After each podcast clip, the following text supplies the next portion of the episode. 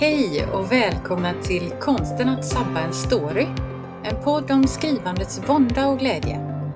Det här är podden för dig som vill skriva mer, bli bättre och lära dig av misstagen så att du inte sabbar storyn.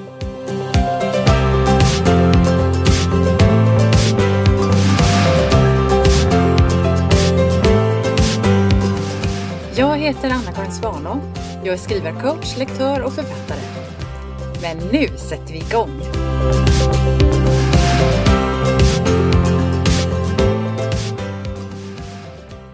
Välkomna till avsnitt 21.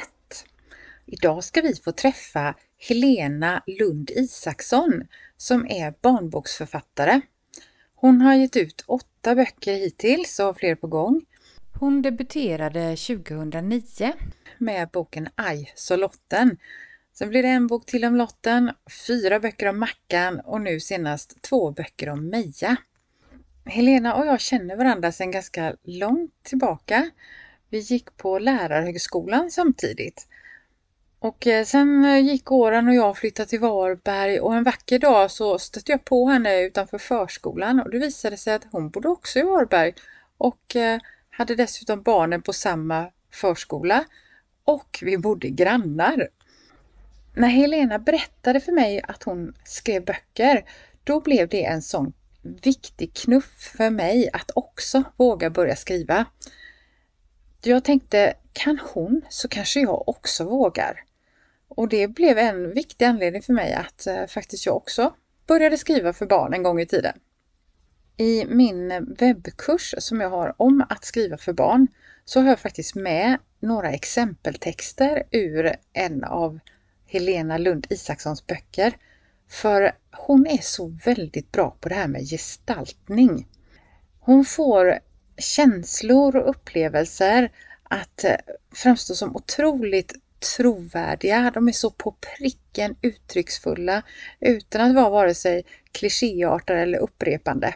Så om du vill få lite inspiration om hur man kan, hur man kan gestalta så titta gärna i hennes böcker. I intervjun så berättar Helena mer om hur hon eh, hittade förlag. Hon har berättar om hur hon får sina idéer, vad hon gör när hon fastnar eh, och ger lite tips också på hur man kan komma igång att skriva om man är sugen på det. Här kommer intervjun. Välkommen hit Helena! Jättekul att du vill vara med och bli lite intervjuad i den här podden. Tack för det. Hur kom det sig egentligen att du började skriva barnböcker?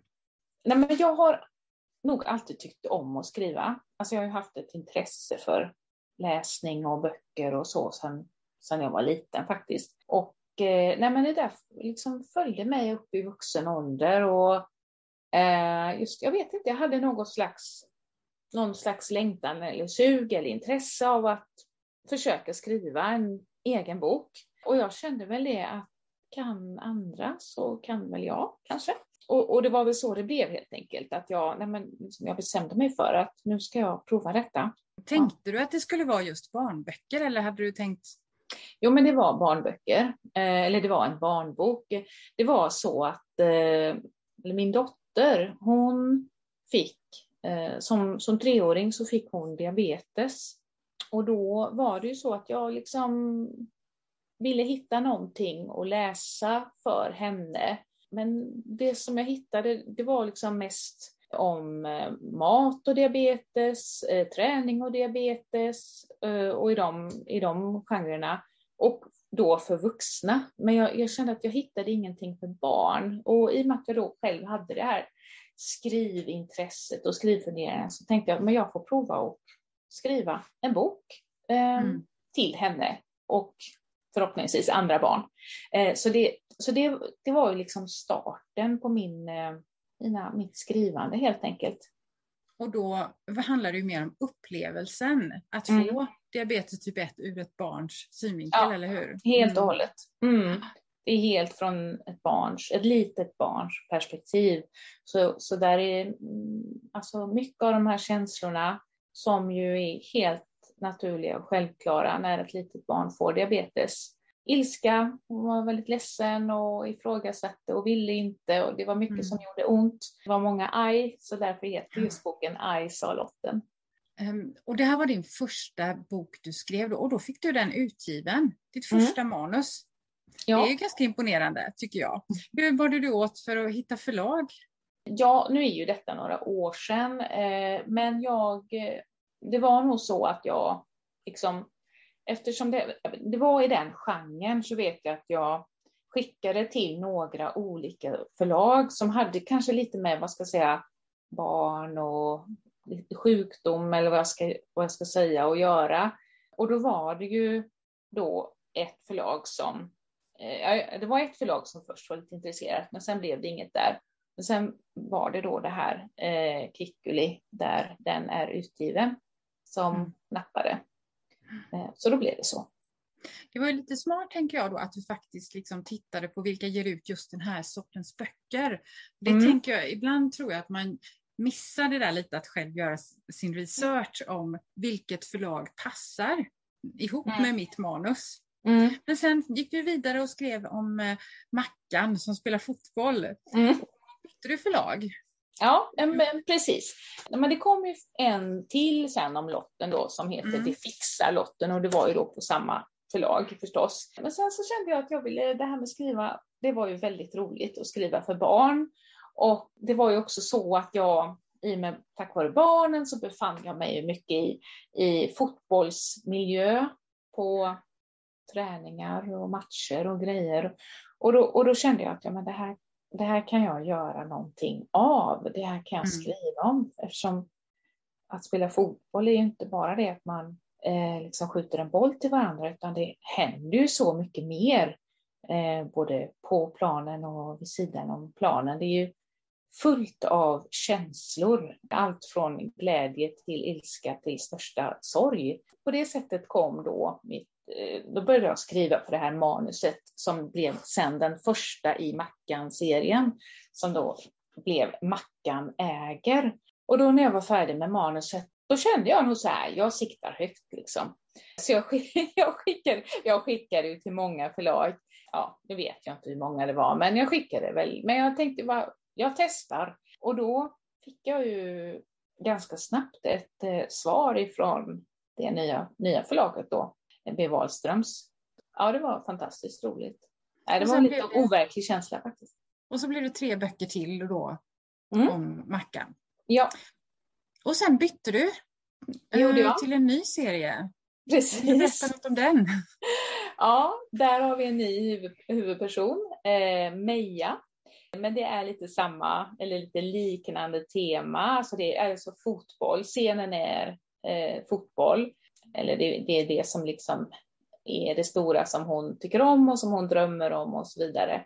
Men det är ändå en, det är naturligtvis en helt ny berättelse. Och där, i övrigt finns det inte så mycket likheter med Mackan, eh, mer än det här med fotbollen då.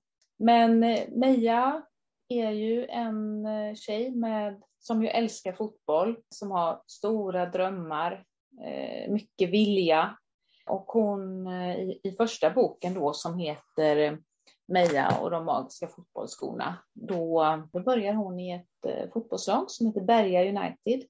Grejen är bara att hon inte har några fotbollsskor utan hon får gå dit i sina dödsfula gympadojor som hon avskyr. Men så händer det lite saker och hon, pappa går med på att köpa ett par fotbollsskor till henne. Men när eh, Bruno då, som är hennes bästa vän och PT, alltså personliga tränare i fotboll, när han är så här ett par år äldre än henne, när han får se de där skorna då blir han inte särskilt imponerad. Men Bruno är en sån här person som, som kan fixa saker, lösa saker. Eh, så han berättar för mig att han har ett sätt, ett knep, så han kan få de här skorna. Han kan få dem magiska. Ja, det är väl liksom lite starten på den berättelsen det är så många lager i den här berättelsen tycker jag. På ytan handlar det om liksom en sorts konflikt och sen så finns det så mycket mer. Det handlar ju både om den här vänskapen, det handlar om eh, sociala förhållanden, familjeförhållanden, föräldrar som kanske inte alltid är där man skulle vilja att de var. man ska Nej. säga. Nej, eh, precis. Och det är väldigt starka känslor. Mm. Och jag tycker det, det som är en av dina utmärkande styrkor, om man får säga så, det är ju hur du gestaltar, i det här fallet Meja och hennes liv, hur hon upplever allting. Hur mm. tänker du kring gestaltning när du skriver? Alltså jag tycker det här med gestaltning är väldigt, väldigt spännande och någonting som jag har liksom blivit på något sätt eh, liksom lite varse eh, allt efter att åren har gått.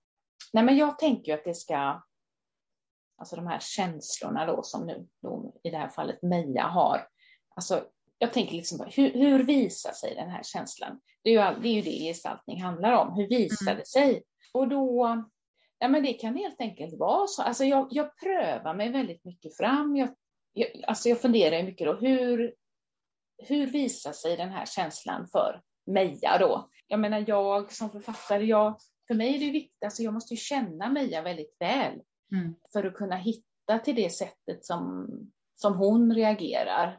Och liksom Meja är ju en person med, eh, som jag sa, det är mycket vilja, det är stora känslor, det är liksom eh, från höger till vänster på mindre än en sekund. Och, och, och, hon är också med om, lite som du sa då, alltså det är ju inte bara det är verkligen inte bara fotboll i mina böcker, utan det är som du sa Anna-Karin, det är ju, alltså det är ju många lager.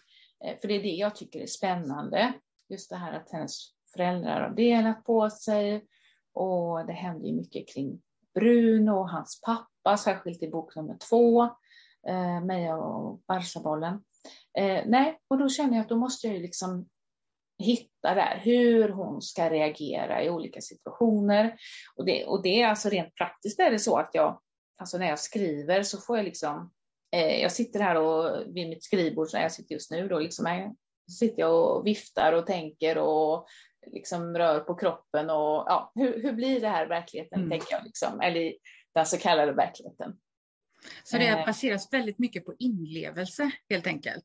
Att du är så inne i Mejas ja. liv och personlighet så att ja. du liksom förstår hur hon skulle uttrycka sig och känna. Ja, så är det ja. nog faktiskt. Tar det här lång tid? Är det en långsam process? Eller hur, eller hur, hur går det egentligen? Hur lång tid tar det för dig att skriva en bok? Ja, den frågan får jag alltid på författarbesök. Eh, och jag tycker alltid den är lika svår att svara på. Jag är nog en, en person som behöver ganska lång tid på mig för att skriva en berättelse och det kan man ju tycka är, liksom, är en nackdel kanske på ett sätt, men kanske egentligen inte. För, för just det här att det är ju en del av skrivprocessen, det här att liksom, oh, skriva, sen ta paus, eh, titta på manuset, läsa det igen, förändra, förbättra. Alltså det där, för att få ett manus sådär liksom riktigt bra, alltså jag tror att det, det kräver tid. Men det är en ja. lång process då? Mm. Ja, jo men det är det ju. Alltså, jag brukar, ja, från första idén till boken är klar, jag menar det kan ju vara, alltså jag brukar säga när jag är på besök att det tar ungefär ett år, men jag menar det är ju oftast plus ganska mycket. Jag menar den där idén, den kan ju liksom behöva bearbetas ganska mycket i mitt huvud. Och när, när det har liksom mognat där, då, då är det de första idéerna och tankarna ner på papper. Men, men då har jag kanske berättelsen hyfsat klar för mig ändå. Mm. Så då börjar jag skriva. Ja, skriva liksom kapitel efter kapitel. Men sen handlar det ju om att liksom stuva om och lägga till och dra ifrån. Och just det här att, ehm, att få hela berättelsen att peka mot eh, slutet på något sätt mm. är ju jätteviktigt. Det är ju, jag brukar ha slutet klart för mig, eh, alltså i alla fall i stora drag, eh, mm. när jag börjar skriva för att berättelsen måste ha en riktning på något sätt. Sen vad som händer däremellan, det, kan, det får jag ju liksom ändra och skriva om och fundera över flera, flera gånger. Mm, spännande att höra. Har ja. du nya idéer på gång? Blir det fler böcker om Mia? Tro? Ja, faktiskt det är alldeles nyss bestämt. Så det kommer att bli en tredje bok om Meja. Och eh, jag har även en annan eh, bok i annan genre på gång, mer eh, mm. alltså åt deckarhållet.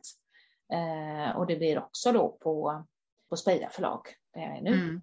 Mm. Just det, så Meja-böckerna är utgivna på Speja förlag också. Så ja. jag bytte ännu en gång där. Ja. Mm. Eh, stämmer det att Meja-boken, i alla fall den första, har blivit uppmärksammad av Kulturrådet? Ja, det stämmer. Den kom med i den här katalogen då, New Swedish Books eh, 2019. Så det var ju väldigt roligt. Härligt.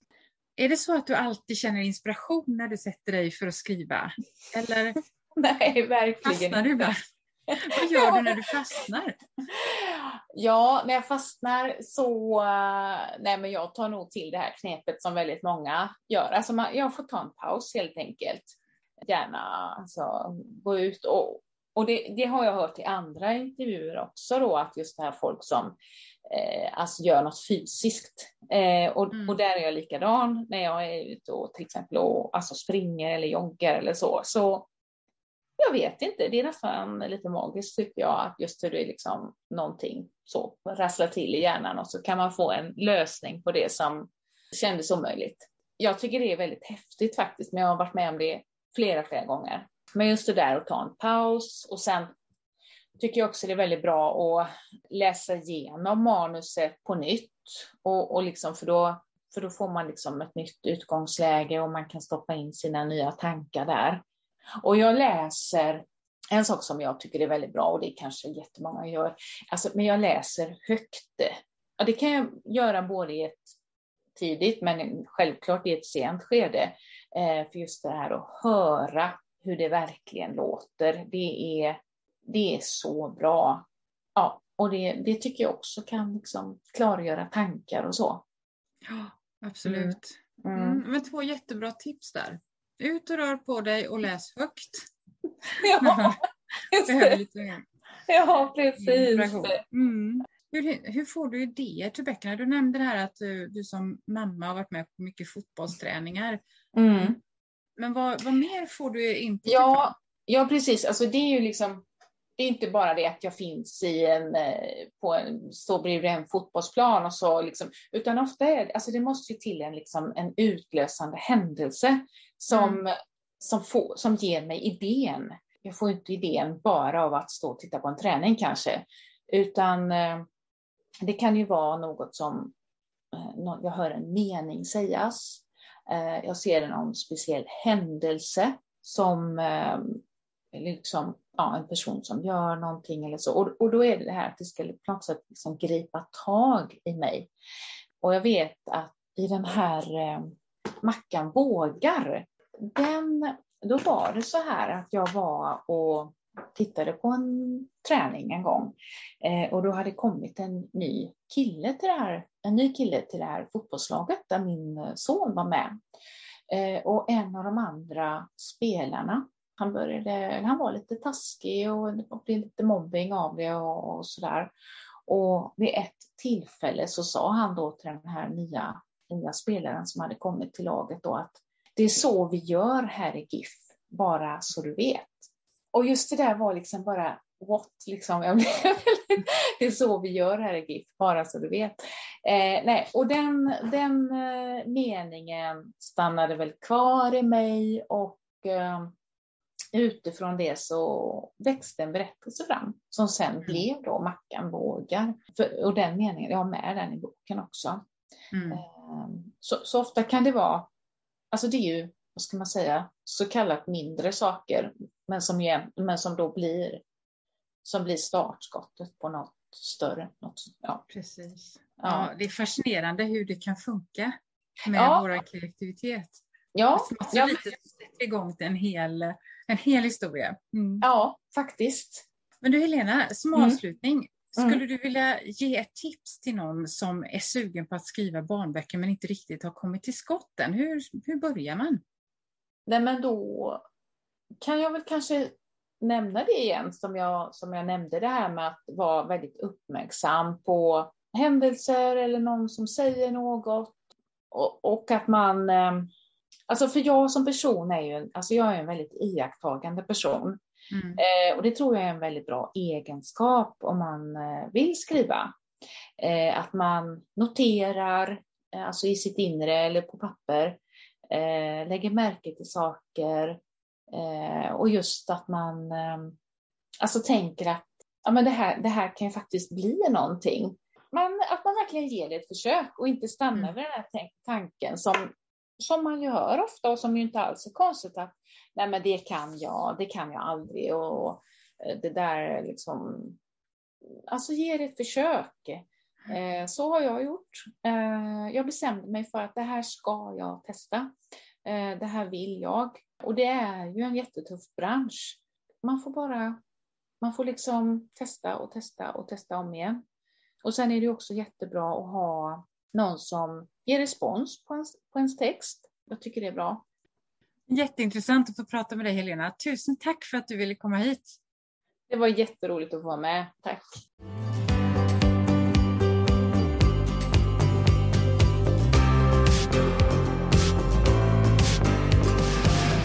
Det var allt för idag. Om du gillar podden skulle det vara toppen om du tipsar andra skrivintresserade också. Titta gärna in på min hemsida www.annakarinsvana.se. Där finns bland annat en gratis minikurs om att börja skriva. Där finns också mer information om mina tjänster och kurser. Men nu är det dags att börja skriva.